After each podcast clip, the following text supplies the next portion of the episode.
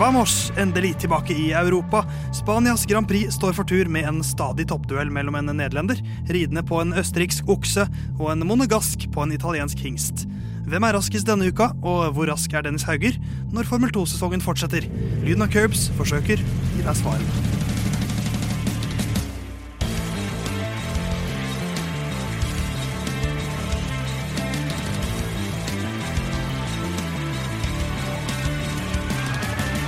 Endelig er det mer Formel 1-action. Det føles altså så lenge mellom hver gang. Når det er sånne to ukers pauser. Du hører på lyden av Curbs, eh, Radio Novas eh, favorittprogram om Formel 1 og favorittpodkast om Formel 1. Og Theis er med i dag også. Og det er du også, Jon Halvdan. Åssen går det med deg? Ja, jeg, med meg går det fint. Jeg har bistått litt familie med flytting, og det er da ute på Oslos beste sørøstkant. så da, da er det mye nedover. Eh, så jeg gleder meg ikke til å hjelpe dem med å flytte tilbake igjen, for da er det bare oppover. Nei. Er, vi, er her, vi er her denne gangen også. Vi er jo på en måte de mest trofaste bidragsyterne i Lynn Curbs.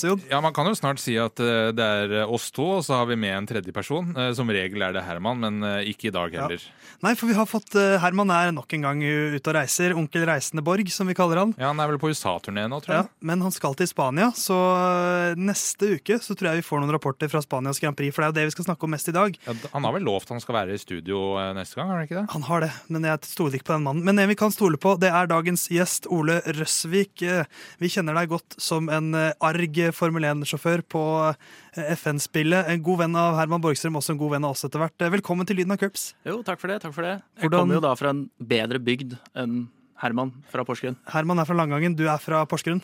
Bæsjbygda. Bæsjbygda. Solskinnsbygda. Selvfølgelig Solskinnsbygda. Ehm, du er jo en eh, Formel 1-glad type, men hvordan vil du selv beskrive deg selv som eh, Formel 1-fan? Mitt første Formel 1-minne var vel eh, liksom da jeg var jeg vet ikke, åtte-ni år. Liksom, for pappa så på det når jeg var yngre. Ja. Så, men jeg så som regel første to, to, rundene. Og så hvis ikke det var noe krasj da, så gikk jeg og gjorde noe annet. Lekte med Lego eller et eller annet sånt. Ja. Ser pappa på det fortsatt? Så... Ja, han har begynt med det nå. Men, uh, så det er liksom Det er jo på en måte litt på grunn av Drive to Survive, det òg. Så det er jo alle her er jo barn av det. Et barn av Survive. Men du, du ser altså du, du, Før så så du altså Formel 1 sånn som jeg ser det nå. De to første rundene så begynner jeg å leke med Lego hvis det er kjedelig. Eh, men, eh, men, hvordan vil du beskrive deg selv som Hvordan, eh, hvordan er du som Formel 1-fan nå, i, i, voksen alder? Ja, jeg er jo utdanna ingeniør, så det er jo sånn Jeg er ganske, mer, litt mer analytisk enn det Borg er, kanskje.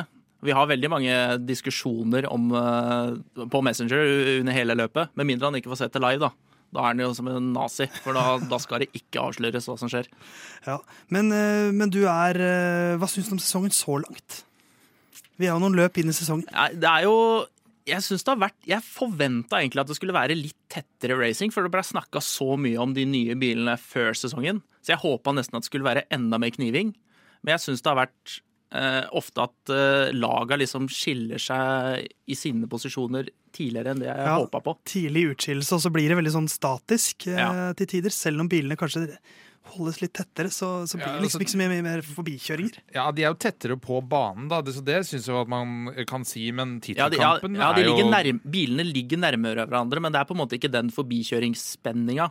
Nå ble Nei, det tatt litt uh, edge av sist pga. det var en helt ny bane. Ja, uh, og uh, Barcelona, som jo skal til neste gang, er jo en bane som har vært veldig vanskelig å følge og kjøre forbi. Så spesielt siste del. Så det ja. kan hende at uh, det kanskje kommer til sin rett for alvor først i Barcelona. Ja, ikke, en, en, revolusjon har det vel ikke vært, eh, de nye ja. bilene. Eh, annet enn at det bouncer noe voldsomt. Ja, det hopper mye. Ja. Så, så, vi skal selvfølgelig ta tak i Spanias Grand Prix. Catalonia er jo en velkjent uh, Formel 1-bane. Det er hovedfokus i dagens episode av Lyden av Curbs. Vi skal også komme med våre spådommer. Det skal du også, Ole. Ja. Stort ansvar der. Og så skal vi prate litt om Dennis Hauger, som er tilbake i Formel 2-sirkuset. Så skal vi ta litt tak i taktikken også, og kanskje taktikk vi skulle ønske Formel 1-lagene brukte oftere. Det er dagens episode av Lyden av Curbs. Og eh, da får vi huket tak i eh, høydepunktet for i hvert fall eh, min del denne uka. Vi er ikke så opptatt av 17. mai og sånt. Det er først og fremst Formel 1 som er høydepunktet denne uka. Og Jon, Catalonia. Eh, vi skal til Spanias Grand Prix, en bane som er blitt brukt eh, mange mange ganger, og som har blitt brukt mye til testing. Så dette er en bane som lagene kjenner godt. Absolutt. Eh, og du kjenner den selvfølgelig best av alle. ja, det kan du jo si. Eh, Det er jo da 4675 meter fordelt på 16 svinger. Det er det bare du som kan vite. Det er det bare jeg som kan vite. Eh, Og det er da eh, 66 runder, eh, to DRS-soner. Eh, Banerekorden i løp ble satt av Max Verstappen i fjor eh, på med 1 minutt, eh, 18 sekunder og 149 eh, tusendeler. Eh, Så eh, ble jo banen endra til i fjor. Eh, Det er etter eh, første DRS-strekke så ble svingen eh, gjort litt eh, mindre krapp. Eh, Som eh, skulle gi litt eh, bedre racing. Jeg vet ikke om vi så så veldig mye til det i fjor, annet enn at det var litt ny asfalt der, så det var litt lettere å kjøre ut. Ble jo benytta seg av det på trening. Så få se om det kanskje kler de nye bilene litt bedre. Det er jo en bane som det generelt er mye data på, men nå nye biler ikke like mye data. Nei, men det har jo vært en, en Louis Hamilton-dominert bane. Han har vel vunnet der fem eller seks år på rad? Fem år? Eh, Ja, og, ja, og, og eh, vant der i fjor også. Hvordan husker du det løpet, Ole? Eller husker du det i det hele tatt? Eh, ja, jeg juksa jo litt før jeg kom og så highlights eh, fra løpet i fjor. Eh, men det var jo Verstappen leda etter første sving, var, hadde litt spisse albuer, sånn som han hadde egentlig hele sesongen. Eh, og så Hei, hei, Det er bra du tar Herman-rollen med Jeg en sa gang. ikke her, at han kjørte stygt, jeg sa han hadde litt spisse albuer. Ja, det er lov. eh, det, det har jeg i studio her òg. Ja. Ja, han, han tok jo ledelsen, eh, Verstappen, i første svingen der. Eh, Hamilton ga plass, men det, det blei jo Hamilton-seier igjen. Ja, de eh, valgte jo å pitte en gang eh, mer enn eh, Red Bull, og det viste seg å være lurt. Kunne kjøre raskere på eh, mindre slitte medium og ta det igjen, litt sånn som de gjorde i Ungarn eh, seinere i sesongen. Så et, et løp, Jon, hvor eh, det var eh, denne dragkampen mellom Red Bull og, og Mercedes. Det bølget jo gjennom sesongen. Der var det Mercedes som kom gjennom on top, og det er jo kjent som en ganske Altså, en kjedelig bane. Ja, det er kjent som en kjedelig Jeg prøvde å prøve å liksom pakke det litt pent inn, men av og til er det greit å bare kalle en spade for en spade. Ja, altså Det er egentlig løp eh, jeg gleder meg mer til enn andre. eh, Og Barcelona eh, etterfulgt av Monaco er ikke en sånn serie med løp vanligvis. Men nå er det jo viss, visse håp da for at det kan være litt lettere. For ho- hovedproblemet er det en megalangt langstrekk langs startmål der.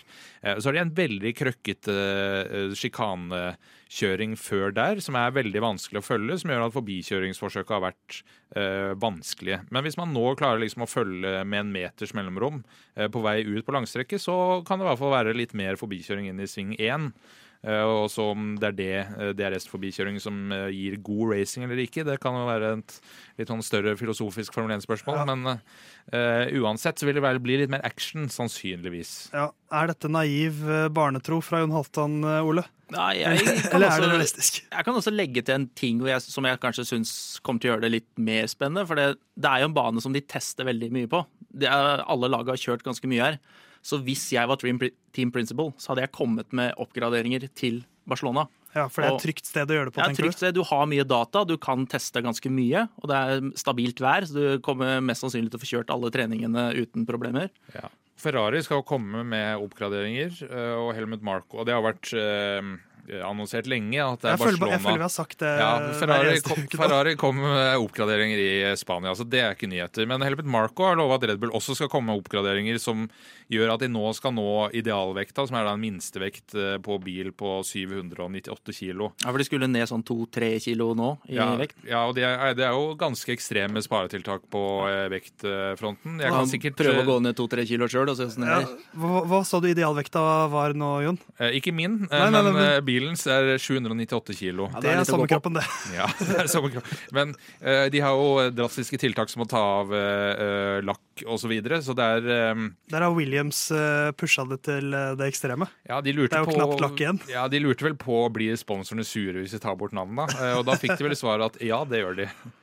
Så ja. Nei, så, så det er jo en bane vi har blitt godt kjent med gjennom årene, og som har gitt oss en, en kvalifiseringstung eh, resultatliste, da. Ja, Et lag som sannsynligvis ikke kommer med oppgraderinger, er Mercedes. For de er nødt til å sammenligne den bilen med forrige spekkbil, og den ble sist kjørt eh, under trening i Barcelona. Ja, og Se om det er raskere det, i det hele tatt. Det ser jo Ja. ikke ut som det er blitt noe raskere. Nei, eh, absolutt ikke. I hvert fall vanskeligere.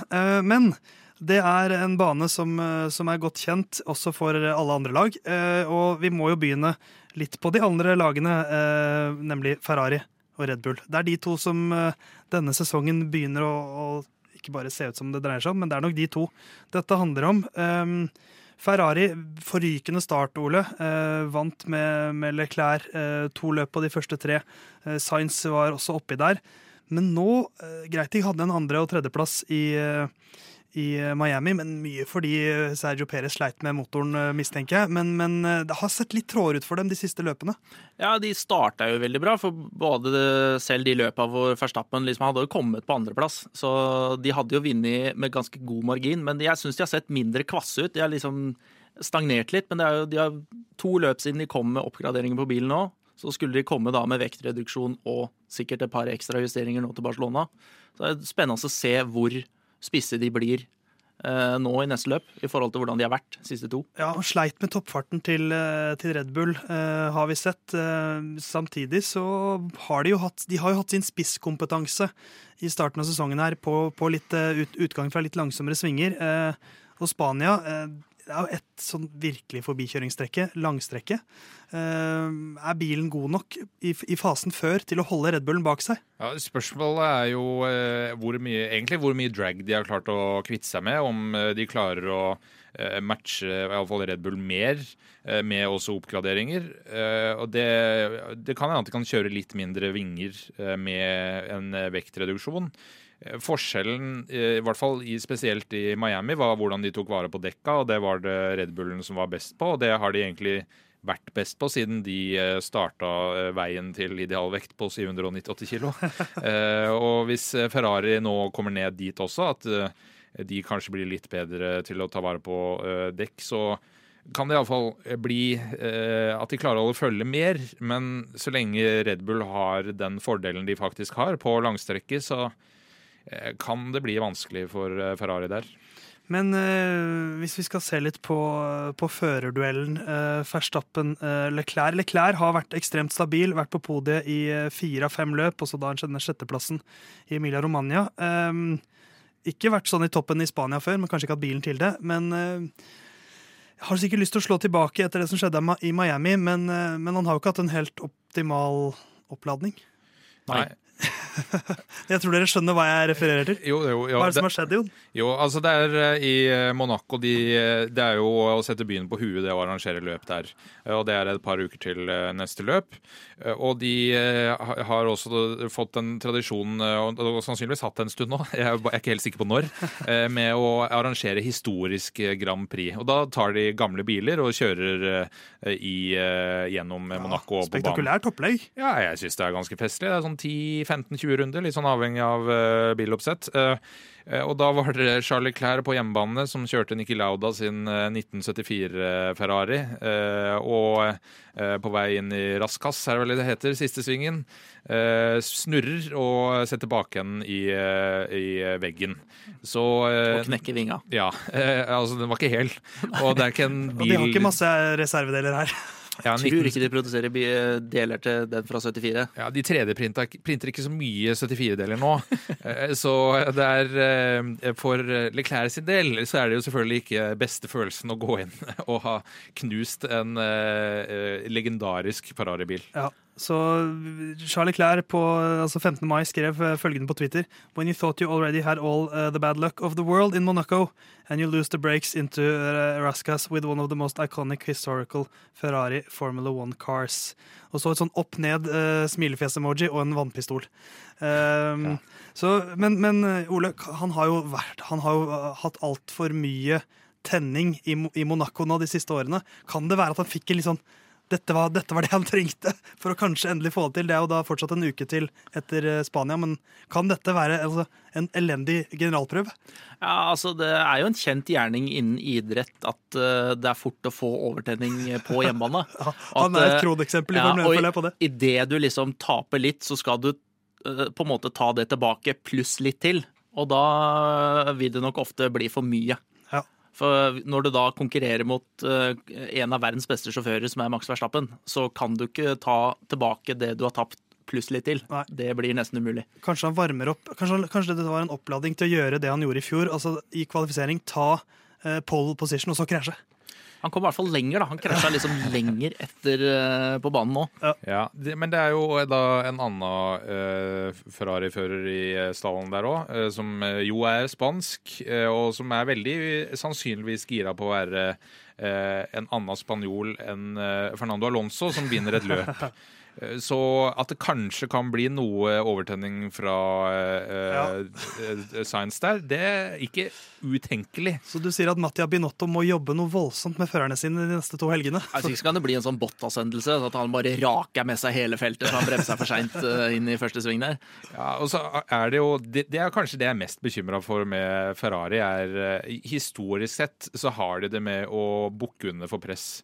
Eh, de, de siste åra, når eh, Så lenge de ikke har hatt liksom den eh, raskeste bilen i det hele tatt, så har de slitt litt når det har begynt endelig å se ut som at det nærmer seg. Men eh, Binotto er kanskje litt kaldere enn de som har vært tidligere. Så De var jo ikke så gærne i fjor, selv om det var andre typer biler. Så var jo, jeg tror Leclerc endte som nummer fire på løpet i fjor, og Sainz var vel topp seks eller topp sju, noe sånt. Eh, Sainz han eh, kom på sjuendeplass, Ja. og Leclerc på fjerdeplass. Ja. God hukommelse. Så de var jo relativt gode eh, på samme bane i fjor, Ja. med en ganske mye dårligere bil enn det de har i år. Ja, Carlos Sainz eh, var siste bil som ikke ble lappa. Ikke sant? Nei, men, det, men det er jo en bane som eh, der, eh, der Store deler av banen så bør jo eh, Ferraris Ferrari-bil eh, funke fint. Ja. Eh, Men så er det dette langstrekket, da. Eh, Som er det eneste stedet der man sånn egentlig kan kjøre forbi. Og der, er Red Bull, der har jo Red Bull sitt uh, Ja, altså, Sitt Red, Bull, partypiece. Red Bull trenger bare å være uh, nesten like god som Ferrari ellers på banen, og så er dette deres. Ja. Så vi får se. Vi skal komme med våre offisielle spådommer senere. Men nå tar vi og prater litt om lagene litt nedover gridda.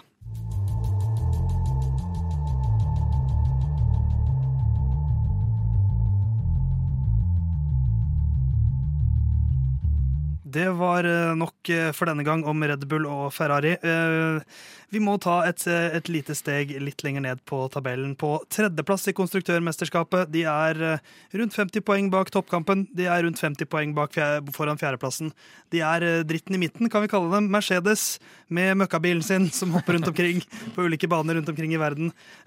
Men likevel så klarer de å få med seg poeng eh, helg etter helg etter helg. Eh, George Russell topp fem i alle løp. Det er jo imponerende, Ole, i debutsesongen sin i topplaget. Ja, Han eh, gjør jo på en måte ikke feil. Han har jo en, en motsatt sesong av det Dennis Hauger har. Han, eh, Alt klaffer. det er ikke noe Han kan ikke trå feil, rett og slett. Sånn som forrige løp. Lå ute fordi de venta på safety car. Han lå, hadde jo enormt slitte dekk. Safety car kom. Ja.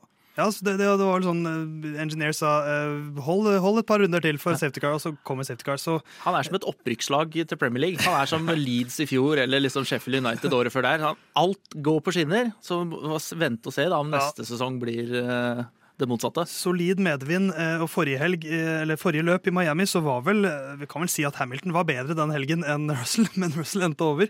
Men, men Hamilton kanskje litt mer eksperimentell, litt mer forsking på bilen hans. Men det virker, ikke som det finner ut så mye, Jon. Nei, og det er jo eh, altså, Vi kaller det jo drittbil, og Det ligger jo på eh, Altså, det er jo den tredje raskeste bilen, så det er ikke drittbil, men det er drittbil i forhold til hva de har hatt tidligere. Ja, og eh, på denne tida forrige gang det var eh, drastiske endringer, så hadde de vel vunnet rubbel opp bit. Så det var liksom eh, eh, det, er, det er litt forskjell. Eh, Og mye ligger nok i kvalifisering eh, for eh, deres del, fordi bilen er jo eh, åpenbart liksom rask nok til å være bedre enn midtfeltet, men det er ikke eh, et romskip, så det kan ikke kjøre eh, seg så langt opp, med mindre du er heldig sånn som Russell er med safety car. Hadde han ikke vært det, det hadde sett helt annerledes ut. Eh, Så eh, for, for de blir denne helga her ekstremt viktig for å finne ut eh, hvor, hvordan ligger vi an sammenligna med eh, bilen vi hadde i Barcelona, som var eh, da mer sånn tradisjonell designa med sidepod osv.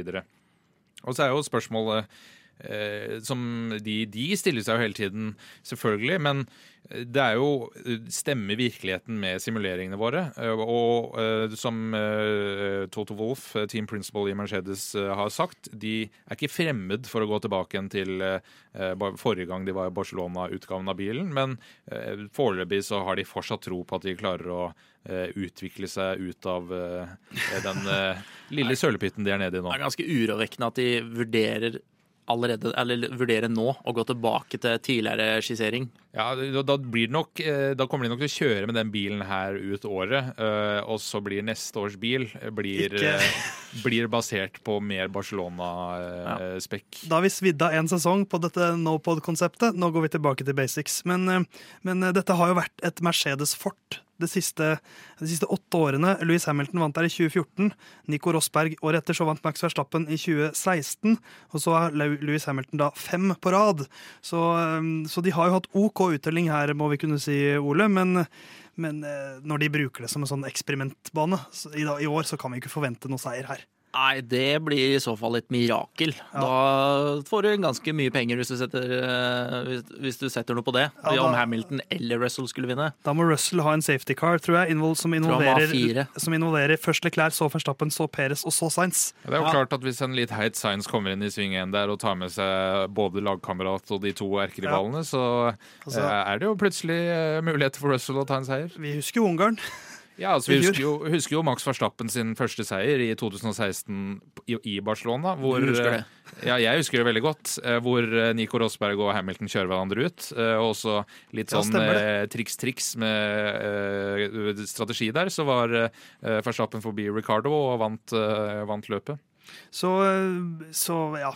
Jeg vet ikke om vi skal Det er, altså, vi, det er jo bare samme tralten eh, om Mercedes. At de, de aner ikke hva de holder på med i forhold til tidligere. Men, eh, men de er, kommer sikkert fortsatt til å være der. da Fire, fem, sjetteplass, et, et sted mellom fjerde og åttendeplass er vel sikkert begge to. da Hvis de unngår eh, noe Ja, hvis alt går som det skal. Så, Ja. Men hvis, ikke, hvis, det å gå, hvis det går som det pleier, så er Russell eh, topp, top fem og Ja, ja, Hamilton, eh, Hamilton et sted mellom eh, ni og tolv. Men tradisjonelt sett så skal i hvert fall én av de slite med å komme seg ut av Q2. Ja. Eh, For det har de jo gjort i nesten alle løp. Ja, så, så vi har ikke supertro på at Mercedes har en magisk turnaround selv på uh, eh, Catalonia. Og nå er jo Mercedes-optimisten ikke her, så da står vi jo Jeg for det. har jo snakka med Borg om det, at jeg liksom også trodde litt på den spådommen han kom med, at liksom, ja ja, de, det kom, det, bare gi de liksom et par oppgraderinger, så skal du se. Ja, må huske at Nå starter jo europasesongen, så nå kommer Ja. Mercedes. Men, men det er jo ikke så rart at man har tiltro til et lag som har vært så dominant. Ja, At man det- tenker at de vet hva de holder på med. Hva, jeg, hva vet jeg? Jeg er en idiot som ikke fullførte graden sin på NTNU. mens der har de verdens smarteste ingeniører som jobber Det er den jobben jeg pr trengte at den kan jeg få en gang. Men de ser veldig dumme ut nå, de Ja. smart, verdens smarteste ingeniører. Så er det jeg som kom best ut av det. Jeg som skjønte at jeg var dum. Er det viktig å huske på at det er også ni veldig an smarte andre lag der òg? Ja, stemmer det. Eh, pluss plus at eh, det er mer den der litt sånn konspiratoriske tilnærminga til at nei, de venter til eh, starten av den sesongen. Noen Ja. mener jo at de eh, har utvikla seg inn i det her fordi de ville ha aktive dempere, for det ville løst deres porpoising-problemer. Eh, som er sånn eh, Dere er ikke alene i, i Formel 1, og de andre har løst det bedre. Ja. Så det kommer ikke til å skje utelukkende pga. at dere gjør det dårlig. Nei, Så har de jo, de har jo dominert, og de, de har vel sikkert alltid trodd på simuleringene sine, og det har funka ganske mange år på rad. Ja, så jo- hvis simuleringene har sagt 'dette skal gå så det stinker', så er det ikke rart at de stoler på de. Nei, når du har åtte strake konstruktørmesterskap, så er det jo selvfølgelig stoler du på de som jobber for deg. Altså alle som sier at dette er veien å gå, fordi det har de jo be altså, bevist at eh, de vet hvilken vei de skal gå fram til nå. Eh, Men så er det jo sånn som vi har snakka om tidligere, at eh, ground effect-biler har Mercedes lite erfaring med, sammenligna med Ferrari, som har vært i Formel 1 eh, siden starten, McLaren, som har vært der veldig lenge, Adrian New i Red Bull, som jobba med det som sin masteroppgave. Så det er litt sånn det er litt uh, intern uh, kunnskap som de kanskje mangler litt, uh, med bl.a. porpoising. Men teknologien har jo gått greit framover siden sist det var mye ground effect på de bilene. da, Så det har jo, kan jo ikke være det samme heller. Nei, men de fikk jo ikke lov, får ikke lov å bruke aktive dempere da, og porpoising får man ikke simulert. Så det er sånn eh, Den må bare ut på banen for å teste det. Så uh, smack back to reality, som Eminem ville sagt. Det kan vi si til Toto Wolff. Uh, lagene bak Mercedes er jo uh, McLaren akkurat nå, som er nærmeste lag. For de er jo faktisk Louis Hamilton ligger på sjetteplass i førermesterskapet. Så de, de er på topp seks, de to gutta der òg. McLaren har sett bedre ut, men Daniel Ricardo har ikke nødvendigvis sett bedre ut, Ole. Nei, han uh, famla jo litt, kan du si. Han eh, Jeg, jeg syns jo Norris på en måte presterte bedre enn Sainz så, til å være så ung. Og nå kom Ricardo inn og skulle være Han skulle jo på en måte være førstefører. Og alle som har sett Det var den eh, viben det var. ja. Nå har vi Ricardo, liksom. Han er jo gull, han gullkalven til uh, Drive to Survive òg. Han er jo om, får nesten mer skjermtid enn Christian Horner. Og det er godt gjort. Ja, det er godt gjort. Så, så nei, det, men, men samtidig så er det jo McLaren føler jeg er litt De er på en måte der de har pleid å være de siste, sånn som i fjor. eh, Og jeg er nesten litt skuffa. liksom- vært, jeg syns de har vært litt sånn jojo Ja. denne sesongen. her For det, Enten så er de liksom begge eller, veldig høyt oppe sånn fjerde, og, eller så er de liksom eller, Ricardo er alltid nede. Ja. Med mindre noen DNF-er, så kommer han liksom 20.-19. Ja, han, har, han har poeng i ett løp, og, og Norris hadde en fin streak der på 7-5 og så en tredjeplass, men så skar det seg litt i Miami, da. Men um, Takket være Gasly. Takket være Gaslia. Men, men hvis vi ser mot, mot eh, det vi skal kalle fronten av midtfeltet, da, med McLaren, uh, Alfa Romeo, parentes Bottas, uh, uh, og alpin, Alfa Tauri Er det noen som du tror kommer til å peke seg ut her i, i, i Spania, Jon? Ja, også basert på løpet til nå. Så Bottas har jo sett bedre ut enn McLaren alle løp. Og bedre enn Mercedes i flere løp? Ja, øh, Han ble jo øh, i, i alle fall i mine øyne robba for den femteplassen. Av seg selv? Eh, av seg sjøl, selv, selvfølgelig. Eller av safety car, av Gasly. Ja, for så vidt. Eh, hvis man eh, skal øh, være eh, veldig streng. Eh, så jeg, jeg vil jo si at han er favoritt til å gjøre det best av det med sånn tradisjonelle midtfeltet. Uh, Alfa Tauri eh, er jo en bil som jeg tror egentlig har ganske høyt potensial, men eh, det virker litt som at de klarer å rote det til med setup eller krasje eller eh, ja, jeg er borti eh, ting. eh, og eh, ellers er det liksom eh, alpin eh, som eh, også ligger der. Fortsatt litt eh, dårligere, så jeg vil si Alfa Romeo eh, representert ved Bottas eh, først, og så etterfulgt av Landon Norris eh, i McLaren, og kanskje blir det alpinen, Aston Martin og Alfa Tauri som kommer til å kjempe om eh, resten av poengplassene der. Sikkert Ocon eller Gasly eller noe sånt som kommer til å være oppi der. Sunoda har jo vært eh, OK. Han Eh, DNF-a jo i fjor, da. Her på samme bane, så han har ikke kjørt den så mye så i Formel 1-settet.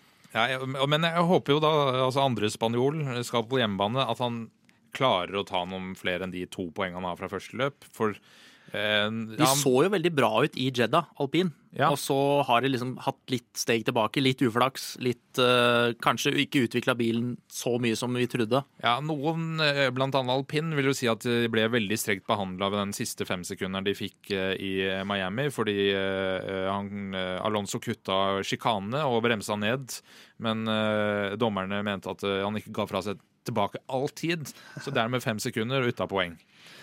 Så ser vi litt lenger ned, da. Eh, Mick Schomaker. Eh, Herman Borgstrøm hater jo Mick Schomaker overalt på jord. Eh, Ole Røsvik, hater du Mick Schomaker overalt på jord, eller bare litt? Det er vanskelig å hate en person jeg aldri har møtt, på en måte. For en flott innstilling. Eh, det sagt så syns jeg ikke han har imponert noe særlig denne sesongen her. Han er jo blant de førerne som har kommet fra F2. Han vant vel eh, Ja, bra resultat. Han vant der, så, Ja. så han har jo på en måte Han har jo CV nå. Ja, han har ikke bare navnet, han har på en måte merittene, men han har ikke takla overgangen. Og nå er han ikke rookie lenger, nå er han andreårsfører og, og måles mot en kar som har vært borte, og som ble kasta inn i det. Og han har jo sett Det begynner nesten å bli litt grann flaut, syns jeg. får litt høye sku ja, har litt dårlig selvtillit, har litt høyere skuldre. Da- Liksom når Magnussen kommer inn med Han hadde egentlig ingenting å bevise. Han, bare, han kom tilbake fordi han skulle, ble spurt og kan Ja. egentlig bare kose seg.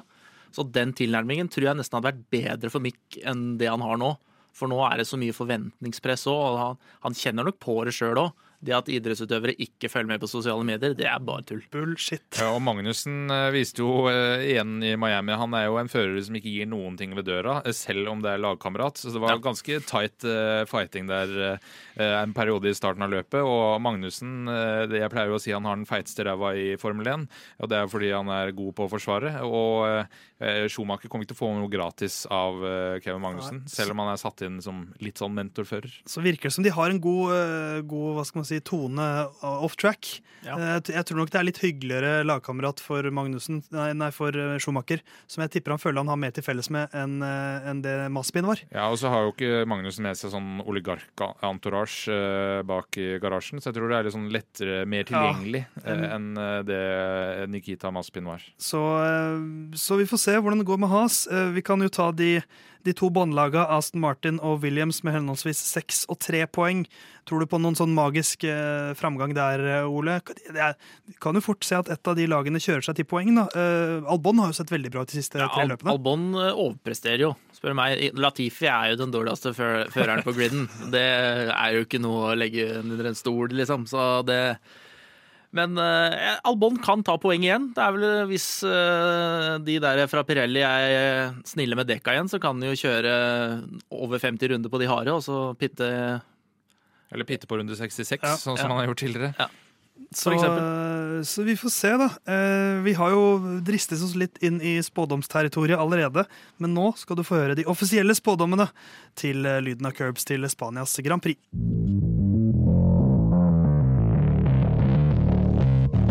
Da var vi kommet til det som kanskje er den aller viktigste, i hvert fall den mest prestisjetunge delen av Lyden av Curbs. Vi skal tippe våre tippetips, eh, hvor vi da eh, til hvert løp leverer eh, to forskjellige tips. på en måte. Et podium, altså topp tre, og det vi kaller for Ukens sjuking, som er da en uforutsett hendelse som vi tror skjer i løpet av eh, løpshelgen. Eh, det har gått ganske dårlig med undertegnede så langt. Jeg har tolv poeng etter de første fem løpene. Vi gjør det da slik at hvis man tipper riktig posisjon på en av de topp tre-førerne, så får man fem poeng. Tipper man eh, rett fører på feil plass, f.eks. hvis man tipper Science som vinner og han blir nummer to, så får man ett poeng. Og tipper man riktig Ukens sjuking, så får man tre poeng. Herman har gjort det veldig bra så langt med 33 poeng. Jon, du har 22. Takk. Eh, Ole, du, skal, du er første gjest som skal eh, levere på en måte offisielt tips. Jeg har null poeng, jeg, da. Ja, Så du har null poeng, men du, vi, får, vi får ta en sånn samlet gjesteliste etter hvert. Uh, du Og er så må vi, vi må finne en eller annen sånn multiplikator for dem, sånn at uh, Ja. det kommer opp på riktig nivå. så, eh, så uansett, vi skal høre ditt tips etterpå, Ole, men, men vi begynner jo alltid med den som leder. Det gjør vi. Og Herman er i USA for tiden, men han skal jo se dette løpet live. Så for han er det jo ekstra viktig hva han tipper her. Så da tenkte jeg vi skal høre på Hermans tips nå.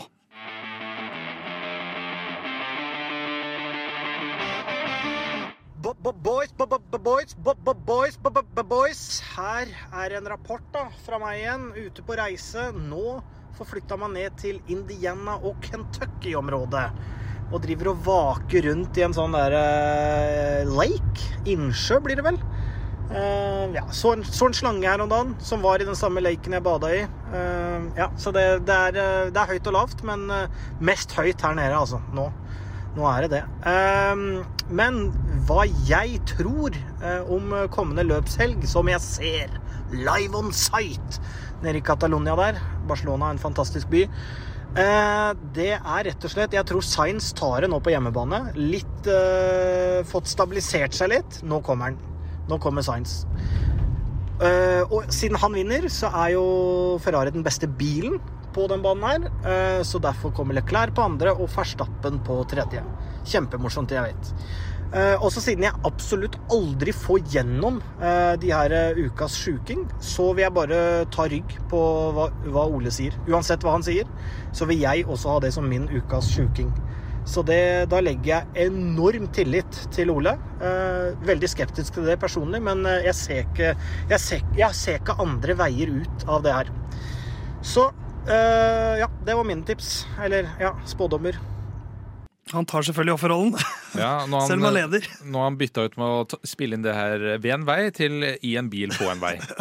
Men uh, det er jo et altså, Science Leclerc Verstappen som hans favorittips, greit nok det, men en uh, uhyre kontroversiell uh, måte å levere Ukens sjuking på, Jon. det er nesten minuspoeng, det her. Altså bare ikke, altså ikke ta noe stil. Det er sånn, Jeg heier på vinneren. Eller, jeg, jeg tror det er vinneren som vinner. Ja, for jeg er veldig for at Ole får levere sitt For det, fordi at det som da skjer, er at hvis vi skal godta dette, dette valget fra Herman, så må vi være beinharde mot Oles Ukens sjuking.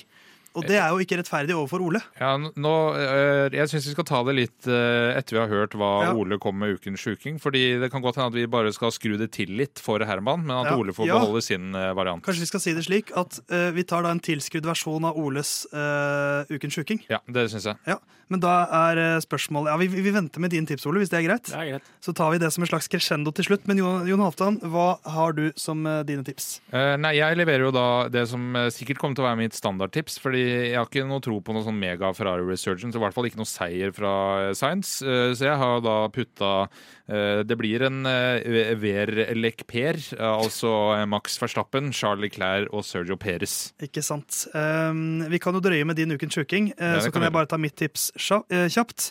Jeg, tror det blir kjapt og, og gærlig. Leclerc vinner foran Sainz og Verstappen. Jeg tror Ferrari slår, til, slår litt tilbake. Ja.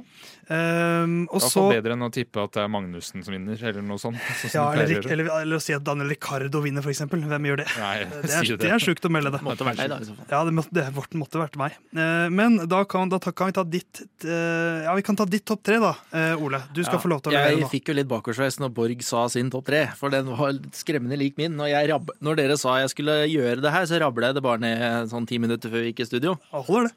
Jeg holder det. Eh, For jeg tror eh, også eh, Jeg var jo imot dere sånn eh, fra starten av sesongen, for jeg var Jeg mente sterkt at Leclerc, Leclerc kom til å være bedre enn Sainz. Men sånn, når jeg tipper, så pleier jeg å tippe mot de jeg holder med. Så da tipper jeg Sainz på, på første, og så tipper jeg Max og Perez, og så Leclerc utafor topp tre. Ai, ai, ai. Så Sainz, Max og Perez. Ja.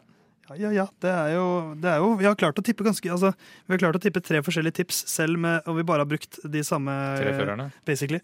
Um, så eh, spennende tips der. Da tar vi ukens sjuking fra deg, Jon. Ja, eh, og det er da litt utenom eh, sportslig. Og det kan godt, men sannsynligheten er så liten, fordi min ukens sjuking er i løpet av kvalifisering eller løpet kommer vi på TV-sendingen til å se Herman. Skal ikke se bort ifra det at det står en sånn solbrent type på tribunen der. Vet du hva, Det er selvfølgelig godkjent, Ole. Vi må godkjenne den. Ja, den er fin. Ja, Den tusen er takk. jækla Det er, det er faktisk nydelig, øh, Jon Halvdan. Det er kanskje tidenes ukens sjuking. Jeg har jo tenkt, jeg, jeg, jeg veksler jo annenhver gang mellom å tenke nå må jeg jo ta det her litt seriøst og prøve å få poeng, og bare gi fullstendig F. Så nå har jeg kommet til en gang hvor jeg prøver å ta noe som jeg kanskje tror kan skje, sånn på ekte, og det er, men som, som fortsatt er ganske usannsynlig, som er at begge Alfa Romeoene tar poeng. Eh, Ja, det, det er jo Det har skjedd det én gang til nå. Det skjedde så vidt det var i første løpet, da, da øh, ble ble, ja. nummer ti. Ja, ja jeg, jeg syns det er innafor. Ja. Jeg får den, Ole. Ja da, det er Ja. helt greit. Ja, Jeg skal ikke være, jeg- jeg- jeg skal ikke være vrang. Og jeg ligger jo så sist, så jeg kan jo få godkjent nesten hva som helst. Veldig ledende spørsmål. Jeg får vel den godkjent, Ole? Ja, men uansett, jeg hadde noe godkjent allerede. Ja, ja, ja, ja. Blunka tre ganger nå, sånn satt og vifta med 500-lappen. Jeg trua med å myte mute mikrofonen til Ole, hvis han ikke var snill gutt.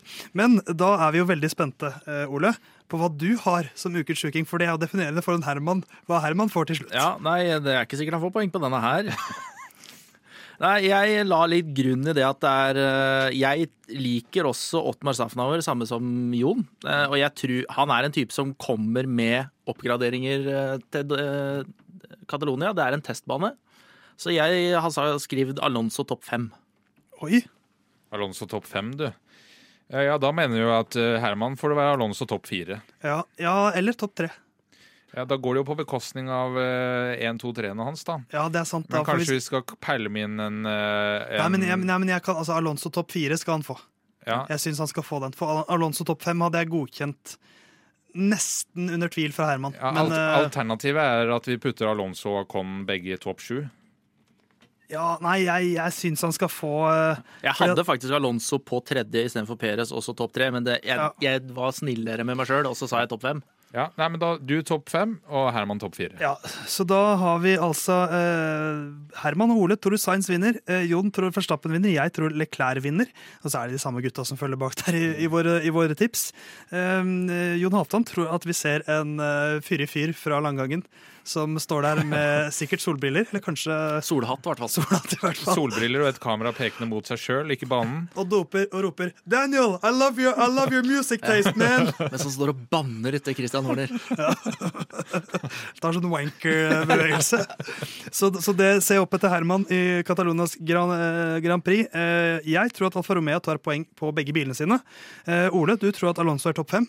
Og da tvinger vi Herman til å tro at Alonso er topp fire. Ja, Det, det syns det er riktig, det. Og hvis Han er jo ikke her til å forsvare seg eller komme med motargumenter eh, mot det dere sier, så Ja, men han, han har sagt det, vi har godkjent det, da er det greit. ja, og, og hvis han klager på at han tar den der 'jeg kopierer det Ole gjør', og vi tighter den til litt, så får han ta det med ja, meg. Det er jo bare for at han ikke vil ta på ansikt. Ja. Er det da har jeg bare én ting å si til deg, Herman. Kom deg på sending.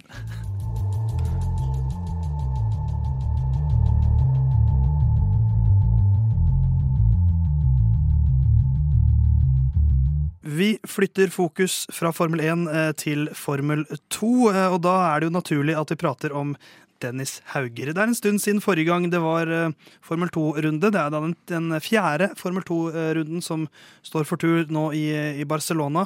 Det har vært løp i Bahrain, Jeddah og i Imola, så det er jo da nesten en måned siden sist Dennis Hauger var i ilden. Og Ole, dagens gjest, hvordan syns du Dennis Hauger har klart seg? Hvis jeg kan stille et så generelt spørsmål i Formel 2. Ja, det var åpent nok, i hvert fall.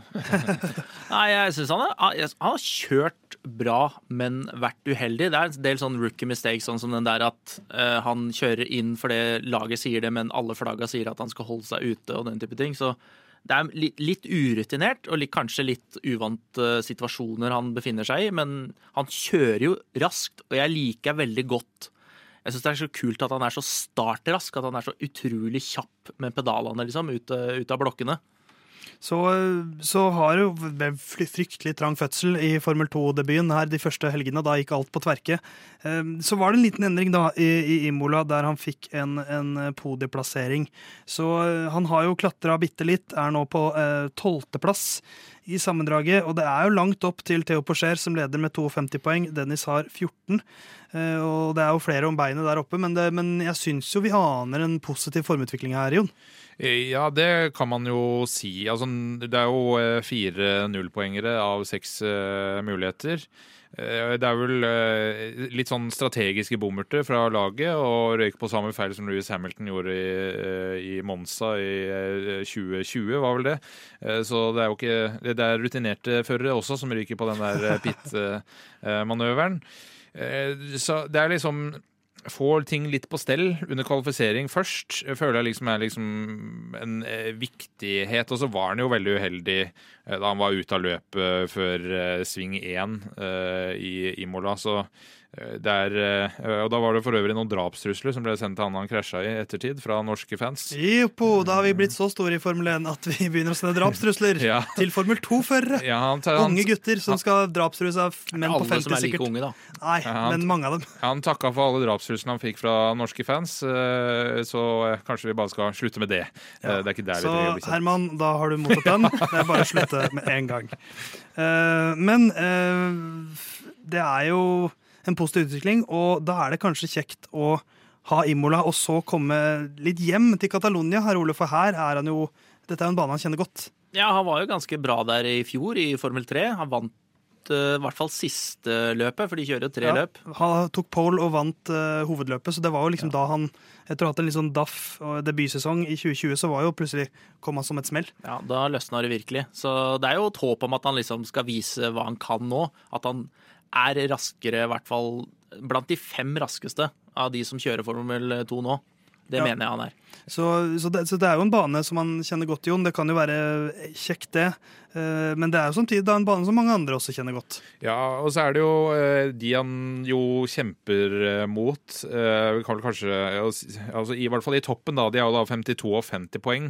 Og så er det et lite hopp ned til tredjeplass på 36 poeng. Eh, Så det er eh, Men det er mange poengmuligheter i Formel 2. Men eh, om man klarer en topp fire-plassering eh, før slutten av eh, sesongen, det hadde jo vært eh, det beste. Seier selvfølgelig det aller beste.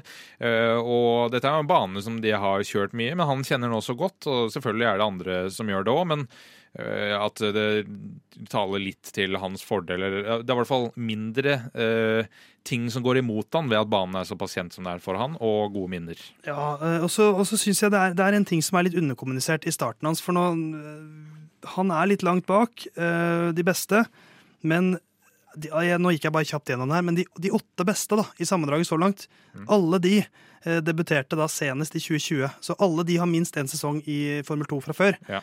Um, så jeg syns vi skal ha det litt i mente hele veien her. At, Ja, vi vil jo at han skal være bedre enn alle de andre. Ja. Supertalentet. men det er ikke nødvendigvis eh, negativt at han har en litt mellomsesong nå. For, det, for at han skal kjøre Formel 1, så er det jo no, han må jo erstatte en eller annen. Ja, og det er ikke gitt at det er en posisjon der nå når 2023-sesongen sparker i gang, f.eks.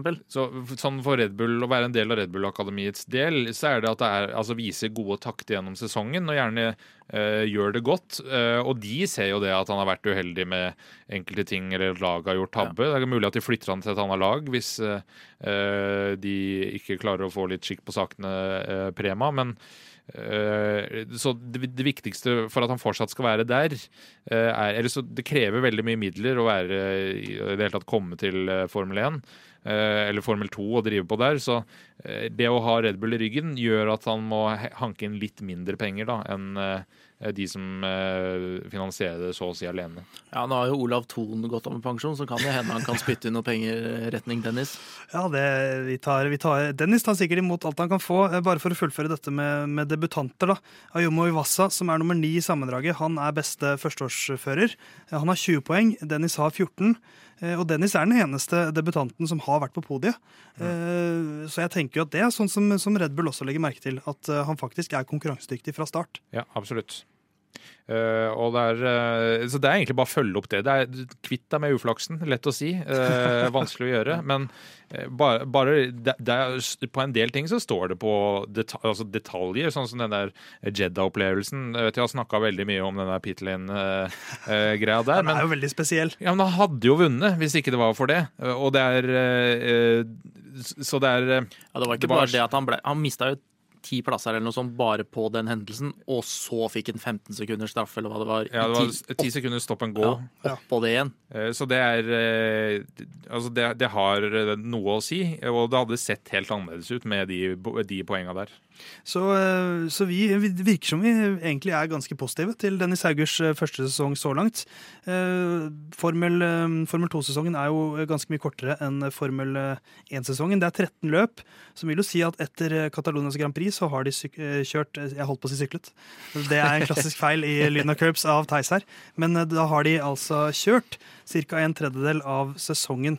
Men det, er jo eh, bare Det er vel omtrent like mange løp, hvis du tar med sprintløp Ja, ja, ja. i Formel 1. Det er plenty av løp, si. Ja.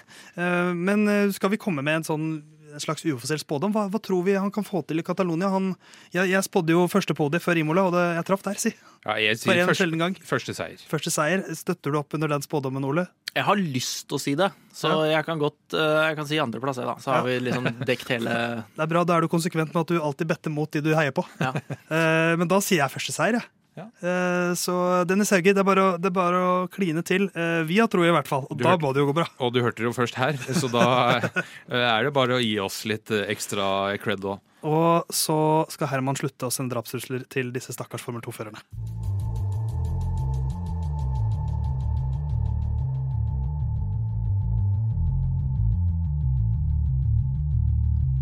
Eh, Jon Halvdan, Ja. har du en sjakkrelatert sammenligning du kan knytte til Formel 1? En eh, sjakk eh, Ja, altså det er jo sjakk matt, da, sånn som eh, eh, i fjorårets eh, Barcelona, som eh, Louis Hamilton og Mercedes eh, satte Max Verstappen og Red Bull i, da de gikk inn og pitta eh, før. Så det du sier er at Formel 1 er som sjakk bare i 300 km i timen? Eh, ja, på noen måter er det det. Ikke på alle måter. Det er flere som mener at det er veldig mye taktikk, i hvert fall. Ja, absolutt. i, i Formel 1. Og eh, jeg vet vi har en ivrig kar som er rundt omkring i verden, og onkel Reisende Borg. Herman Borgstrøm han er ute og reiser, men han har et lite spørsmål til oss som er i panelet i dag. Så da tenker jeg vi skal eh, sette ordet over til Herman først, jeg.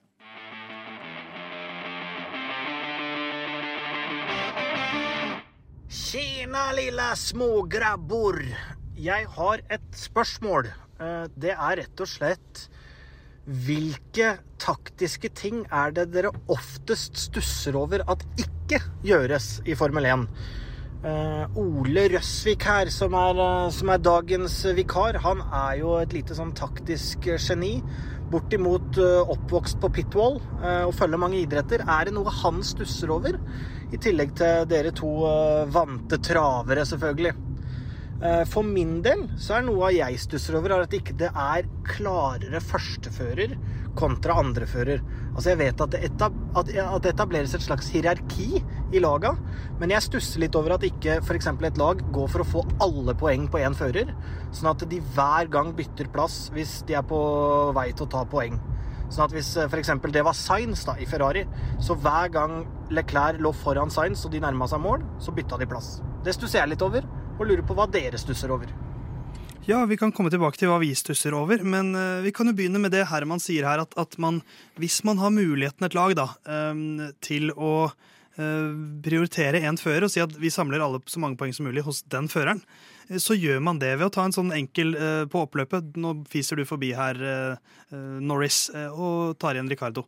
Hva tenker du om, om hvorfor, hvorfor gjør man ikke det, Ole? Jeg syns egentlig det er Det her har jeg diskutert med Borg før òg, og da hadde vi en ganske oppheta diskusjon. Ja, det kan jeg meg. Men uansett, eh, jeg syns det er grei løsning sånn som det er i dag. Det er en gitt eh, førstefører i hvert lag, som du, du, kan du veit at Hamilton på en måte er eh, ranka over Russell. Og hvis han kjører raskere, så blir han sluppet forbi. Og, så, og, og motsatt. Men det at en fører, hvis de ligger etter hverandre på griden eller i løpet, og så skal det bare automatisk førsteføreren foran, det syns jeg dreper mye av liksom idrett, idretten generelt, og konkurransen generelt. Så jeg, jeg, jeg skjønner på en måte hvor han vil, men eh, jeg mener også det er feil. Ja, hva syns du, Jon? Ja, altså For laga eh, Ja, For deres del spiller jo ingen rolle, for da, de, de tar jo like mange poeng. Men det handler jo om at man, man tenker jo kanskje at Jeg tipper det litt av Herman tenker, er at, at det er mest Ja, pengene ligger i konstruktørmesterskapet, men det er mest oppmerksomhet, pressedekning osv. i uh, førermesterskapet. Så å samle alle poeng på én fører der kan kanskje være en bedre måte å komme seg høyere opp der, men samtidig ha samme posisjon i konstruktørmesterskapet. da. Nå nå er jo det da en snarvei til å bli hata av fansen. Eh, jeg vet ikke om eh, Altså Schumacher og Rubens Barrichello de var jo eh, eh, lagkamerater. Og det var en ganske famøs episode i Østerrike hvor eh, Ferrari ga beskjed til eh, Barrichello om å slippe forbi Schumacher. Og da snakker vi sånn tredje runde i sesongen. Helt unødvendig, ikke noe grunn til å gjøre det.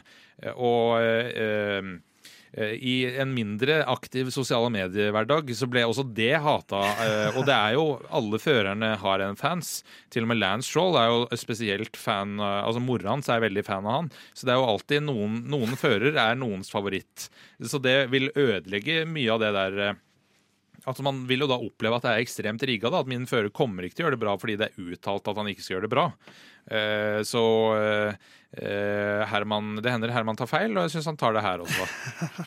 Ja, men, men så, så du tror ikke at han har et uh, altså, For jeg, jeg er jo for så vidt litt enig i at det dreper litt av den du, du får ikke, Noe av det gøyeste som fins, er jo når to førere fra samme lag fighter skikkelig. For da vet du at da sitter en Teams Principle på pitwallen der og er, eh, biter tenna sammen. og og det blir ofte ganske cool racing, syns jeg, fordi da gir de faktisk hverandre plass ofte. Og det, blir liksom, det er litt fair racing, men Men Mercedes var jo så skuddredde etter Nico Rosberg og Louis Hamilton at eh, de holdt Bottas i sjakk med å bare gi han eh, ettårskontrakter. sånn at hvis du fighter for mye, så er det ikke noe garanti, garanti for at du får en ny kontrakt her.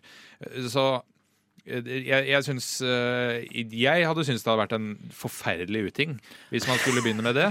Eh, Og så For laga i seg sjøl så betyr det ikke noe pengemessig. Og at laga skal ha et større eller mindre stake i én fører, syns jeg også er eh, eh, høres veldig rart ut eh, at de skulle ha det. Og eh, da må de jo favori... Da gjør vi liksom eh, Lance Stroll da, til en merkevare eh, framfor Sebastian Fettel.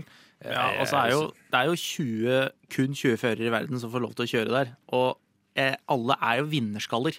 De har ja, ikke- de har, mot, de har, eh, ikke, de har ikke kommet dit uh, fordi de Eller noen har jo det, men for, uh, for, det de kan. Men de fleste av de er jo ekstreme vinnerskaller, sånn som i alle andre idretter. Og det hadde Science signert for Ferrari hvis han visste at uansett, hvis Leclerc ligger bak deg, så skal han foran. ja. Altså, du hadde jo ikke, det er jo 20 førere som har kommet dit på mer eller mindre fortjent vis, men ingen av de er der fordi de vil være andrefiolin. Nei, alle, det var vi jo innom sist også, at alle der mener at jeg er god nok til å bli verdensmester. Ja, Det er alltid ytre årsaker til hvorfor man ikke gjør det. Du trenger bare bedre bil, så Ja. hadde jeg vært verdensmester. Bedre bil, mindre uflaks. eh, Det er, det er så mange Det, det er aldri ferdighet, egne ferdigheter å gå på. Det er, det er kun, kun bil. Så, så Herman så ba meg også si at uh, han er villig til å forsvare denne meningen i en senere episode, for han var vel litt forberedt på, på kritikk. Men, men, jeg, men jeg har lyst til å, til, å, til å spille inn en tanke jeg har. Eh, For jeg, ja, Vi kan godt snakke om at eh, denne type på en måte bevisst bytting av fører er eh, en uting, men jeg savner litt mer et begrep jeg ofte bruker når jeg ser sykkel, klipping av snora. Hvis du har si en, en situasjon hvor du har front row lockout, hvor du har P1 og P2 fra kvalik, hvorfor man ikke oftere da sier du var raskest i kvalik, du skal få muligheten i dag. Eh, og så sier de typ uh, Leclerc hvis han er P2 og Science er P1, da, bare for å ta en litt sympatisk vri på det. Uh, at man sier Leclerc kjør defensivt som F de første to-tre rundene. Slakk ned alle sakte, treige svinger du klarer, sånn at Science får fem-seks sekunder. Hvorfor, hvorfor gjør man ikke det oftere? De gjorde jo det i Abu Dhabi, da, med Perez mot Hamilton. Så, og det, ska, det skaper i hvert fall reaksjoner, om ikke annet. Det, Ja. at, at det blir praktisert. Uh, ja, jeg det, hadde jo, det er jo en strategi, men det er jo også en strategi som ikke skaper så mange følgere. Nei, Ja. nei men, men det handler jo om å vinne dette, tross alt. da. Ja, men det, eh, der er det jo litt sånn For jeg kan være enig i det å bruke føreren mer Ja, for jeg savner litt mer sånn strategisk bruk ja, på kan, banen, ikke bare i pit. at man kan bruke andrefører mer strategisk, sånn som i Abu Dhabi når du har kvalifisert ut av posisjon. Da får du en annen rolle, for da har du ikke gjort det bra nok. Men at det skulle liksom være 1-2, bare sånn du har ikke sjanse på førsteplassen, eh, så dreper man jo litt eh, spenninga i, om, Ja. i kampen. Altså Eh, Midtkampen er jo spennende for eh, sånn som eh, oss tre, men for de aller fleste så bryr de seg bare om hvem som vinner. Og hvis det ikke er noe action der, så er det ikke noe action. Og så går det, det går litt på risiko òg. For ja, du kan slippe den ene bilen langt av gårde, eh, men det kan skje noe med den. Og hvis, du da, hvis bil nummer to da ligger bak og kriger, og som da øker risikoen enda mer for at det skal skje noe Og det er ikke, det er ikke billig å drive og vrake de bilene hele tida, selv om det virker sånn for has.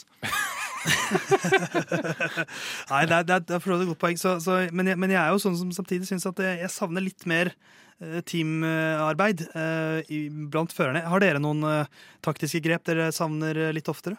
Eh, Nei, altså, jeg er jo inne også på det der å bruke andreføreren mer strategisk, men da liksom sånn som eh, Alpin brukte Alonso da Ocon vant i Ungarn, og motsatt Ocon da eh, Alonso tok tredjeplass i Qatar i forrige sesong. Så, så litt det er jeg fan av, men jeg er ikke så veldig fan av det. OK, ja, da starter han først, og da vet jeg som Det er det som jeg liker med Formel 1, er at jeg vet ikke hva som skjer. Nei. Og hvis jeg da vet at jo, det kommer til å skje sånn og, øh, sånn og sånn, fordi det har vært de satte reglene i hele sesongen, øh, så vil jeg liksom være øh, litt uenig i det.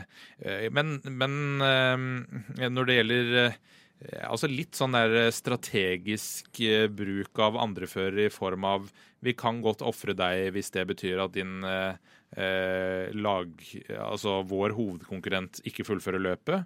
Eh, Ikke på en sånn eh, oppriktig her prøver jeg å kjøre ut, men jeg skal være jævlig vanskelig å kjøre forbi, og skal være det liksom uansett. Ja, så det, jeg vet ikke, Har du, Ole, noe eh, taktikk du, du savner? Eh, ja, det er jo på en måte en litt blanding av at Pirelli har vært litt pinglete, og at det er ny, helt nye biler, så det er litt vanskelig å ha mye data. Men jeg savner at eh, innad i laget så starter de på forskjellig strategi.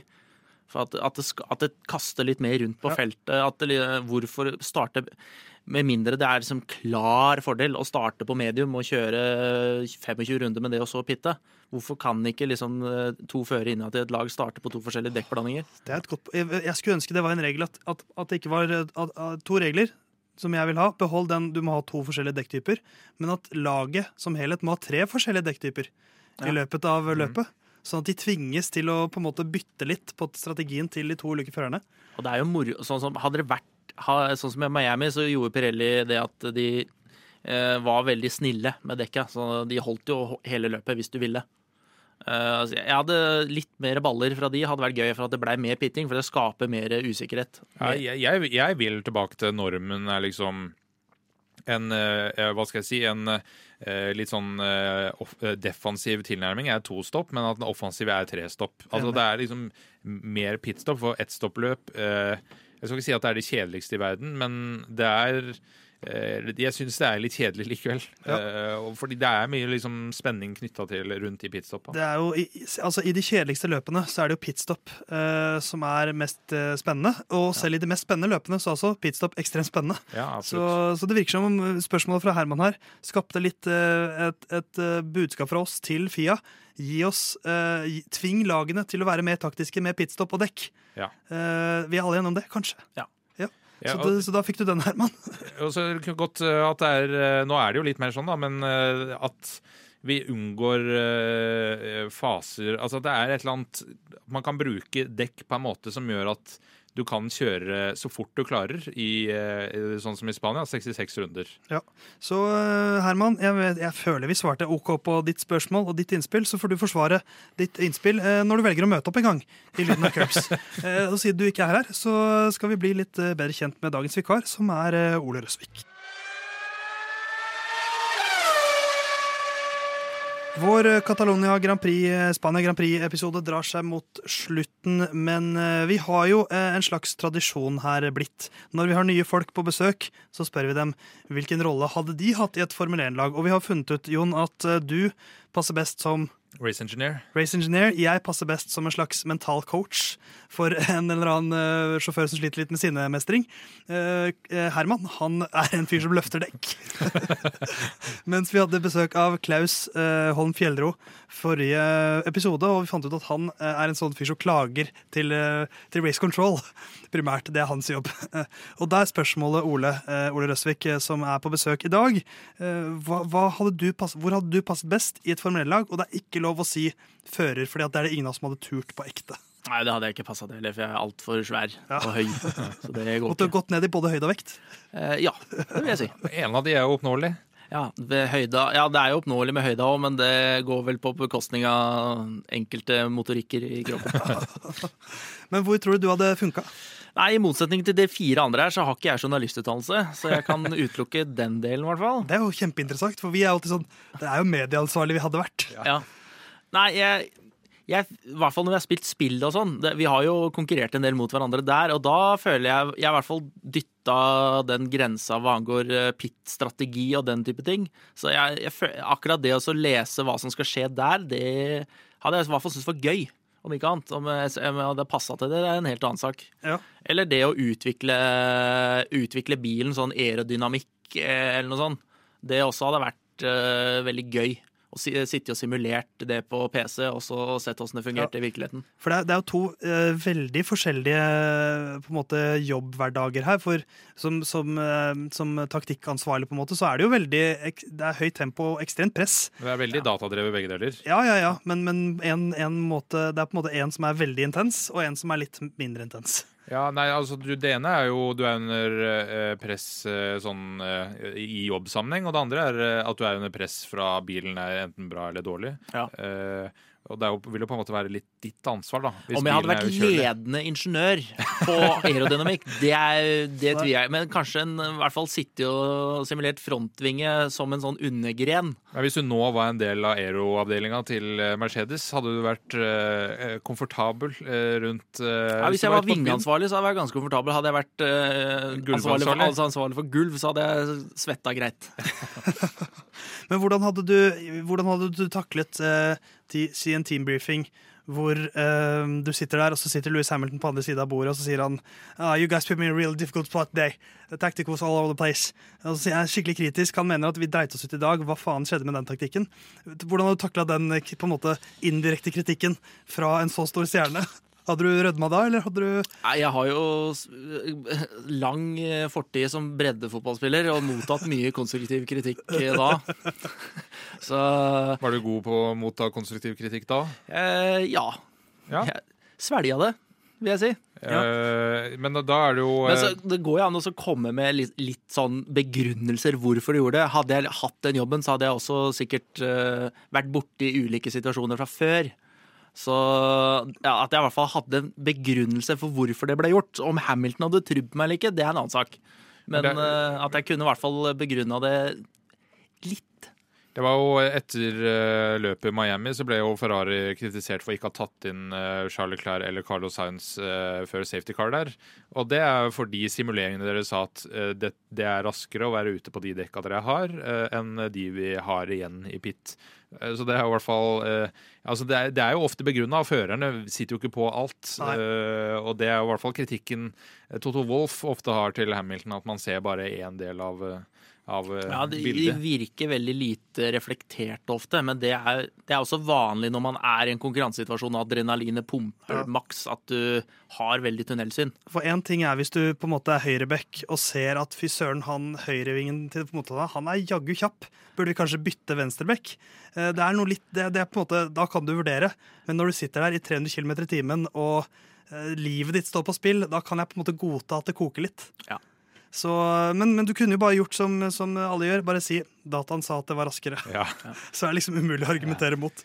Eh, Men eh, OK, så da har vi fått enda en i vårt eh, fiktive Formel 1-lag. Det begynner å ta form nå. Nå har vi en som kan klage på, på Race Direction.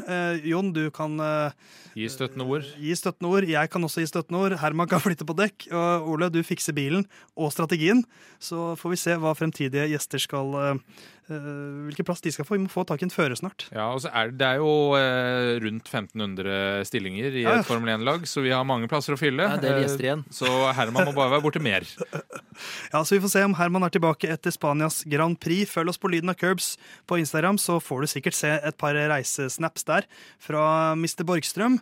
Eh, vi gleder oss til, eh, til helgen, gjør vi ikke det, Ole? Nå er det en double header. Det er den første i år. Ja, jeg eh, har veldig store forventninger til det Borg skal levere. For det, han, han har jo paddock pass og skal være litt uh, nedpå der. Han skal være på trening, han skal være på kvalik, han skal være på løp. Hvis ikke det kommer mye til den uh, Curbs-instagrammen nå, så skjønner jeg Da blir jeg ekstremt skuffa. Ja, bare korrigere meg selv allerede, for jeg sier så mye feil. Det er den andre dobbeltheaderen, for jeg glemte at det var det faktisk i sesongstarten. Da Ja, var det det to var løp på, på rad. Men det, er, det føles som en evighetsutsiden, så vi, skal, vi får mase litt på Herman da, og få han til å legge ut en del eh, greier. Ja, når uh, han først eh, skal på, holdt på å si, indre banehalvdel der, så eh, må han eh, eh, levere deretter. Eh, så kan jeg jo da, eh, som jeg innimellom husker på, eh, kjapt gå gjennom løpstidene.